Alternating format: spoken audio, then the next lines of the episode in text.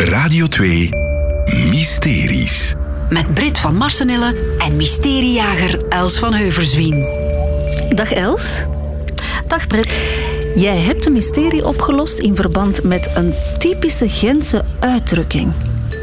Ja, wel, typisch is relatief. Het zijn vooral de uh, iets oudere Gentenaars die de uitdrukking gebruiken in het rolletje zitten. Ik mag het in het Gent zeggen. Hè? Ja, graag. Ik heb in het gezeten of we gaan hem in het steken. Heerlijk. Ja? Oh, dat is op mijn beste Gens. Ik ben geen echte Gens sprekende Gentenaar. Maar wat. Um, dus klinkt die wel heel uitdrukking, ja, die uitdrukking wordt gebruikt nu nog altijd door de Gentse politie. Ze okay. zeggen dat. Hè iemand in het rolletje steken als hij iets mispeuterd heeft. Kleine misdrijfjes, openbare dronkenschap.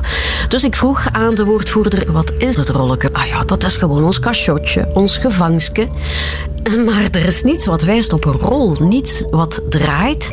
Dus uh, ben ik op zoek gegaan naar de oorsprong van die naam. Het dus rolletje. het rolletje is de gevangeniscel, als ik het goed begrepen heb.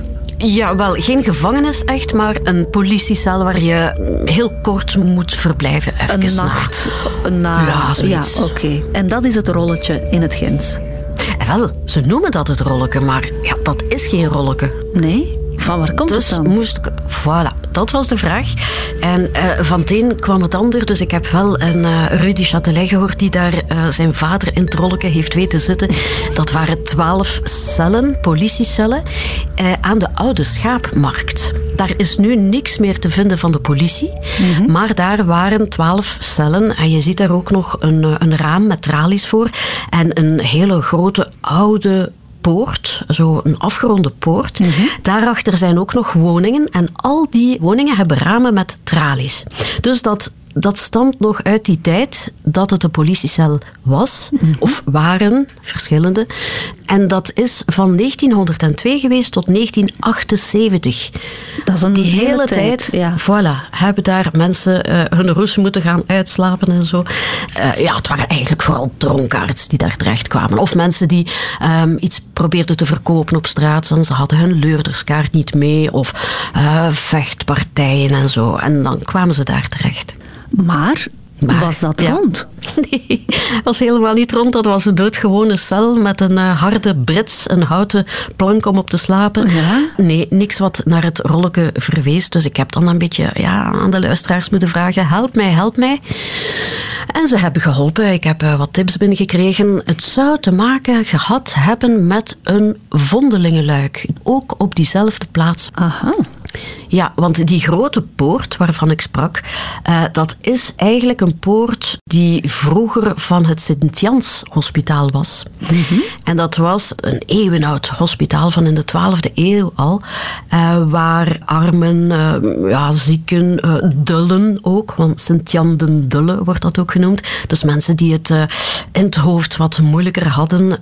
En nonnetjes die daar gewoond hebben, ja. um, aan die achterkant, vlak bij die poort, daar kwamen mensen, moeders, vaders, uh, met een ongewenste baby aanbellen. Ja. Want die wilden van die baby af. Mm -hmm. Nu, het probleem was, daar zaten heel veel prostituees tussen. Die wilden dat niet echt geweten hebben, dat zij zwanger waren. Laat staan dat ze een baby gebaard hadden. Dus die wilden daar vanaf en die wilden dus anoniem blijven. Ja. En daarom is er zo een luik gekomen. Hè. Het uh, eerste vondelingenluik in Gent. Het was ook meteen het laatste. Uh, maar het kwam ook deels omdat Napoleon dat verplicht had. Dus daar is een vondelingenluik geweest tussen Ja. 1820 en 1863. En de stad uh, ja, betaalde dat allemaal. Maar dat werd te duur en dat is dan weer gesloten. Maar de- die vondelingenschuif was dus vlakbij die cellen. Het vondelingenluik was op de plaats waar daarna de politiecellen gekomen zijn. Ja, dus vorige eeuw de politiecellen, de eeuw daarvoor, de 19e eeuw, het vondelingenluik. Oké. Maar het was een luik. Een luik draait niet natuurlijk. Dus ik was er nog niet. Via omwegjes uh, uh, over het leven van vondelingen, dat uh, ja, niet altijd makkelijk was. Heel veel vondelingetjes overleefden het niet. Wie het wel overleefde, kwam in een boerenfamilie terecht, vlakbij Gent of op het platteland, soms tot in West-Vlaanderen. ze werden daar te werk gesteld en sommigen overleefden het en droegen een hele rare naam mee. bijvoorbeeld Marie in het Varkenskot, want die werd in het Varkenskot gevonden. Dat waren soms heel denigrerende namen trouwens. Ja, fluit en muis. Dat waren ook namen die ze gaven aan vondelingen. Ja, die verwezen gewoon naar geslachtsdeel. Dat was, ja, de ambtenaar van dienst had het dan niet zo begrepen op vondelingen. En uh, ja...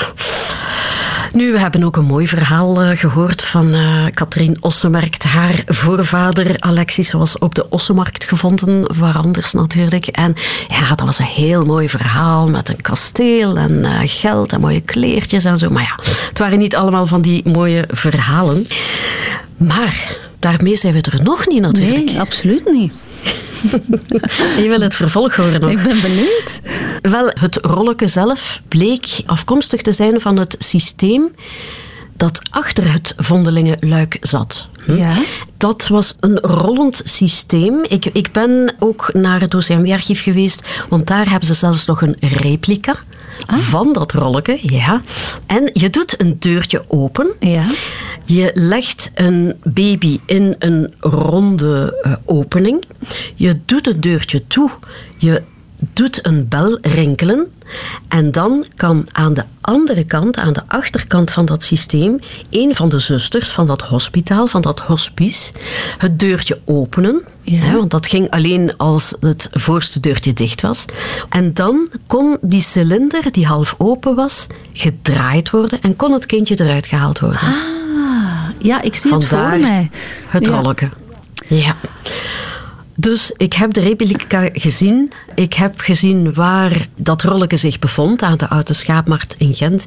Uh, ik heb de tralies gezien van de politiecellen die er naar gekomen zijn. En nu zijn het doodgewoon woningen. Ja. Waarvan de mensen, de bewoners, niet altijd weten waar ze eigenlijk in wonen. Maar het is ongelooflijk dat een Gentse uitdrukking die tot op de dag van vandaag gebruikt wordt, eigenlijk afkomstig is van een vondelingenluik.